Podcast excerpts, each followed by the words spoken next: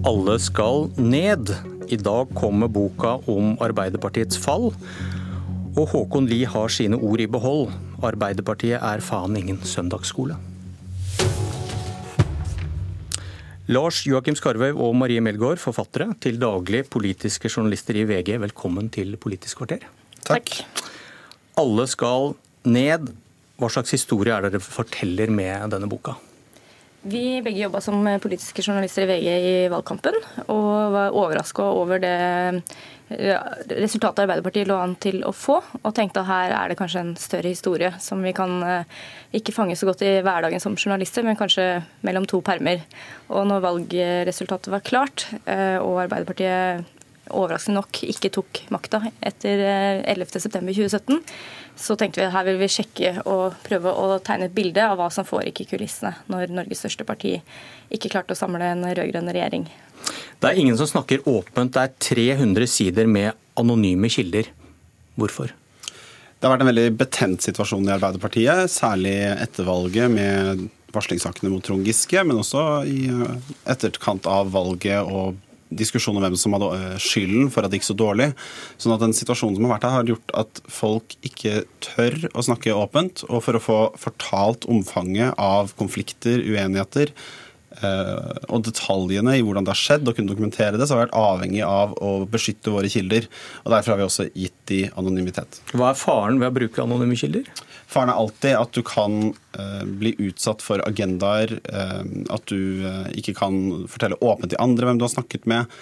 Men vi har så langt det har vært mulig etterprøvd opplysningene som folk har kommet med, kontrollert de opp mot fakta i dokumenter eller e-poster eller tekstmeldinger, som vi jo refererer en del av i boken. Ehm, så vi er veldig trygge på at den informasjonen som står der er korrekt, uavhengig av om eh, kildene våre er anonyme eller ikke. Men Trond Giske, en av hovedpersonene, har ikke bidratt til boka. Det sier han selv. Hvordan kan dere vite hva som har skjedd i et rom med han og Hadia Tajik? Vi har veldig gode kilder i alle de situasjonene som vi beskriver. Eh, og vi kommenterer ikke noe, sier ikke noe om hvem vi har snakket med eh, i denne boken, nettopp for å beskytte de kildene som har bidratt. Men da er det vanskelig også å etterprøve og imøtegå? Vi er trygge på at vi har etterprøvd og imøtegått de opplysningene som vi har fått. Eh, og vi er veldig trygge på at de kildene som har bidratt til oss, snakker sant. Det eh, vet vi også ut fra andre situasjoner hvor det er flere til stede. Eh, men jeg kan ikke si noe om hvem som har vært våre kilder. Det, det skjønner jeg, men når en sentral person som Trond Giske ikke er med, så er det vanskelig å ikke mistenke at da kan den ene parten ha fått fargelegge deres historie. Men vi har ikke snakket med bare én part. Vi har snakket med alle I rommet, parter. I et rom med to personer så vil vel det være et problem, da? Jeg tror ikke det er noen situasjoner i boken hvor vi beskriver situasjoner med Hadia Tajik og Trond Giske hvor det bare er de to til stede. Vi får lese med, med, med lupe. Du, eh, da får vi høre hva dere fant som forsvarer bruken av anonyme kilder. Eh, Melgaard, hva skjedde da Arbeiderpartiet tapte valget i fjor? Det aller første en ser tall, som også har vært framme, er jo at de klarte ikke å engasjere velgere. Og en ting som vi har funnet, er at to av de viktigste temaene etter valget, eh, eller det som velgerne oppgir at det var viktig for dem, eh, skatt og innvandring, eh, gikk det bud ut i Arbeiderpartiets valgkamp om at de ikke skulle snakke om, fordi det var veldig sensitivt for Arbeiderpartiet. Man ville ikke snakke om skatt. De hadde et skatteopplegg som ingen tok ansvar for. Og innvandring er alltid problematisk i Arbeiderpartiet. Så det er én ting. En annen ting er at vi går veldig grundig inn i denne mediesentralen, som er hjertet av Arbeiderpartiets valgkamp, som ble ledet av Trond Giske. Og vi ser at det var eh, dårlig styring, dårlig organisering, lite var klart. Store konflikter som førte til at man ikke fikk ut politikken eller budskapene som man hadde i valgkampen. Har du noen konkrete eksempler av det, det nye dere har funnet? Eh, ja, altså vi, det er snakk om sånne pakker eh, hvor du ser at Trond Giske er i konflikt med fagrådgivere. Eh, som til slutt f.eks. ender med en scene hvor Jonas Gahr Støre skal åpne valgkampen, men de har ikke klart det valgkampbudskapet de ønsket å gå ut med, og derfor så må han si noe annet. Sånne type konflikter lammer jo da Arbeiderpartiet inn i valgkampen. Men nå er det også sånn at valgkampen ble ikke tapt på mediesentralen eh, på Youngstorget. Vi viser også at det var problemer på toppen av Arbeiderpartiet lenge før valgkampen eh, starta. Allerede fra dag én når ledelsen blir valgt, så er det et dårlig samarbeid som lammer organisasjonen da, eh, etter hvert. Og vi ser også at grunnen til at Trond Giske og Hadia Tajik eh, ledet hver sin oppgave i valgkampen, Trond skulle lede valgkampen fra Jonstorget, Hadia skulle lage program, var et resultat av at de ikke kunne samarbeide. Så Jonas Gahr Støre ga sine nestledere hver sin oppgave. Det gikk også på tvers av et eh, sentralstyrevedtak Arbeiderpartiet hadde fra før. Kan du gi et eksempel på denne giftige tonen som dere beskriver mellom disse to nestlederne, Tajik og, og Giske? Det er jo et eksempel eh, med Sørmarka, hvor det skal være eh, et opplegg for kandidatene til Arbeiderpartiet, hvor Hadia Tajik ikke er på programmet. Men hennes rådgiver, som hun hadde et anstrengt forhold til, og som senere måtte slutte, han er invitert. og der, eh, Svein Tore Bergestuen. Svein Store Bergestuen heter han. Og der blir det da en konflikt mellom Giske og Tajik. Eh, som ender eh, med at de ikke snakker sammen på flere dager. Det er også et møte på så vidt jeg husker, Hadia Tajiks kontor, hvor eh, det ender med at Hadia Tajik gråtkvalt bønnfaller Trond Giske og krever at han må nektet Svein Tore Bergestuen å være på det programmet på den kandidatsamlingen. og Det illustrerer kanskje hvor anspent det er når det er så mye følelser knytta til relasjonen mellom de to. Arbeiderpartiet taper valget, står uten makt og krangler om hvem som har skylden. Og så kommer metoo til dem. Eh, Skarve, hva fant dere ut her? Det vi ser veldig klart er at Arbeiderpartiet var ikke forberedt. De sier jo eh, både nå og da at de hadde retningslinjer mot seksuell trakassering. De retningslinjene var ganske begrensede, og jeg tror veldig få i partiet var klar over hvordan og eh, hvor man skulle varsle. Sånn at når det eh, kom varslingssaker mot Trond Giske, så var organisasjonen ikke forberedt. Og jeg tror heller ikke Jonas Gahr Støre var forberedt. Det er i hvert fall ingenting som tyder på det i det vi har funnet. Og så langt vi kan se, så er han jo drevet fra skanse til skanse gjennom hele håndteringen. Det starter jo med varslingssakene, og så topper det seg nok ganske kraftig 21.12., altså bare noen dager før julaften, hvor uh, Trond Giske ender med å sitte på Dagsrevyen og beklage.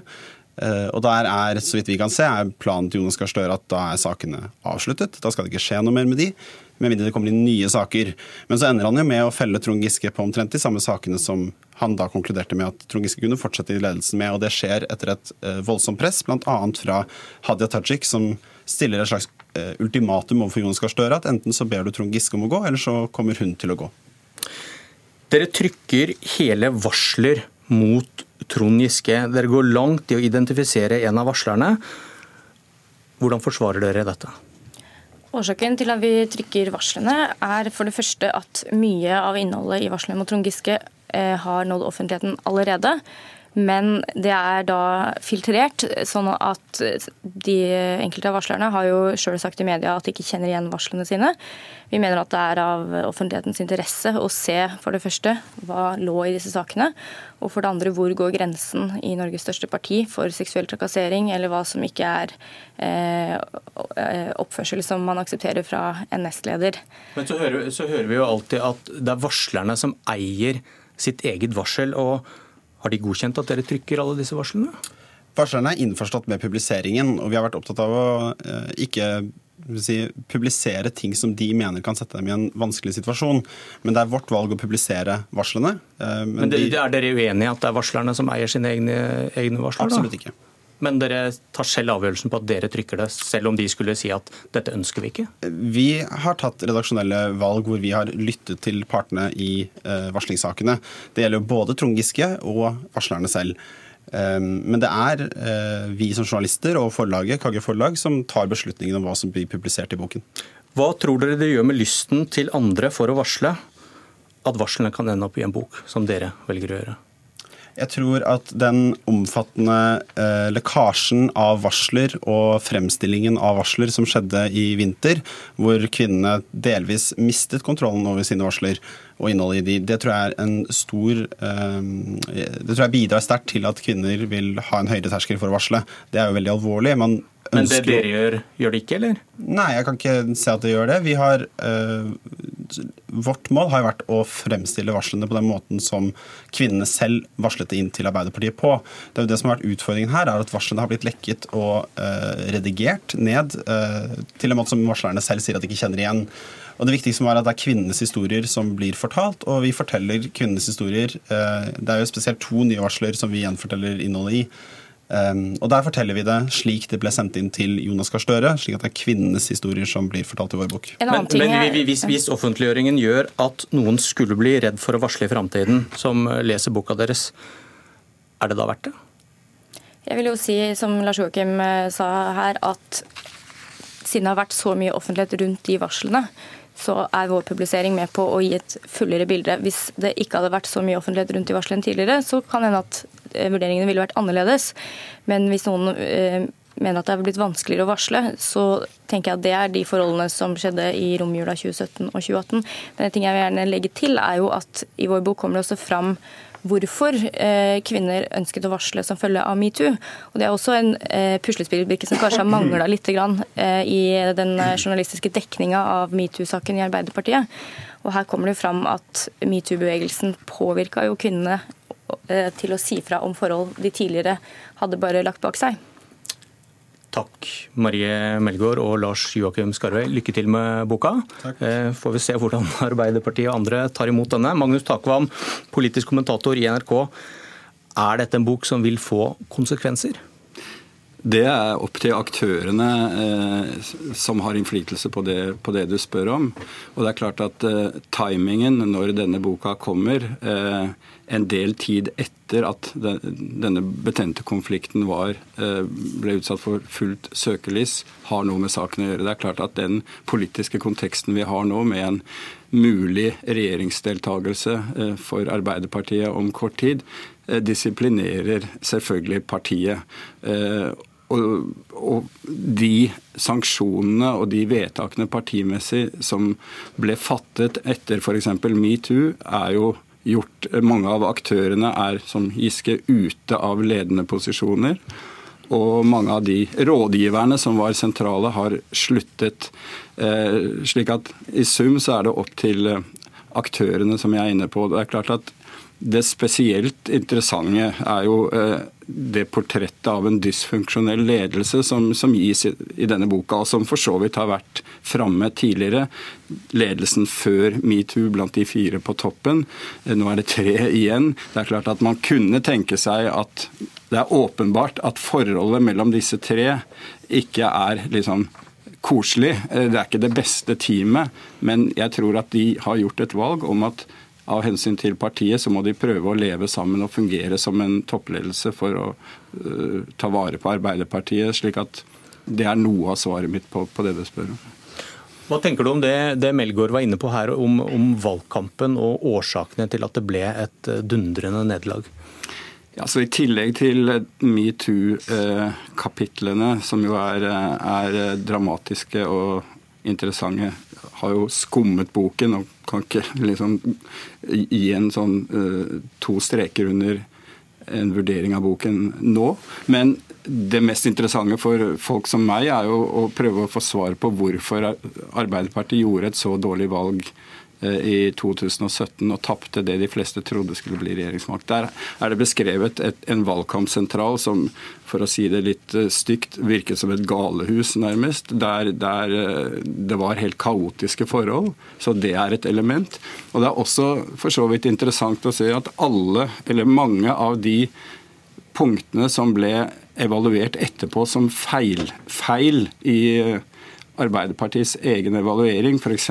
om eh, skattespørsmålet, eh, om fokuset på økt arbeidsledighet, om Støres privatøkonomi, uttalelsene om forholdet til henholdsvis sentrumspartiene KrF og Venstre i konflikt med forhold til Rødt og MDG. Alle disse eh, kritiske punktene ble det jo foretatt råd inn til partiledelsen om å, justere. Eh, men det ble ikke hørt på. slik at den typen eksempler er, er interessante for, for, å gi forståelse av valgnederlaget. Og så skal da kanskje et splittet KrF og et splittet Arbeiderparti forhandle om regjeringsmakt hvis KrF snur seg den veien. Er, er makt som et, som et lokk som legges oppå disse konfliktene, eller hvordan fungerer du det på 20 sekunder? Ja, altså, Arbeiderpartiet opplever nok at selv om det er, det er mye bitterhet og vonde, sår fremdeles, så, så, så, har de prøvd å legge dette bak seg. Og det er, som jeg sier, eh, potensiell makt disiplinerer, og tiden som har gått, gjør at det er en veldig høy terskel nå for å åpne opp disse sårene igjen. Så det tror jeg er en, en generell oppsummering av situasjonen.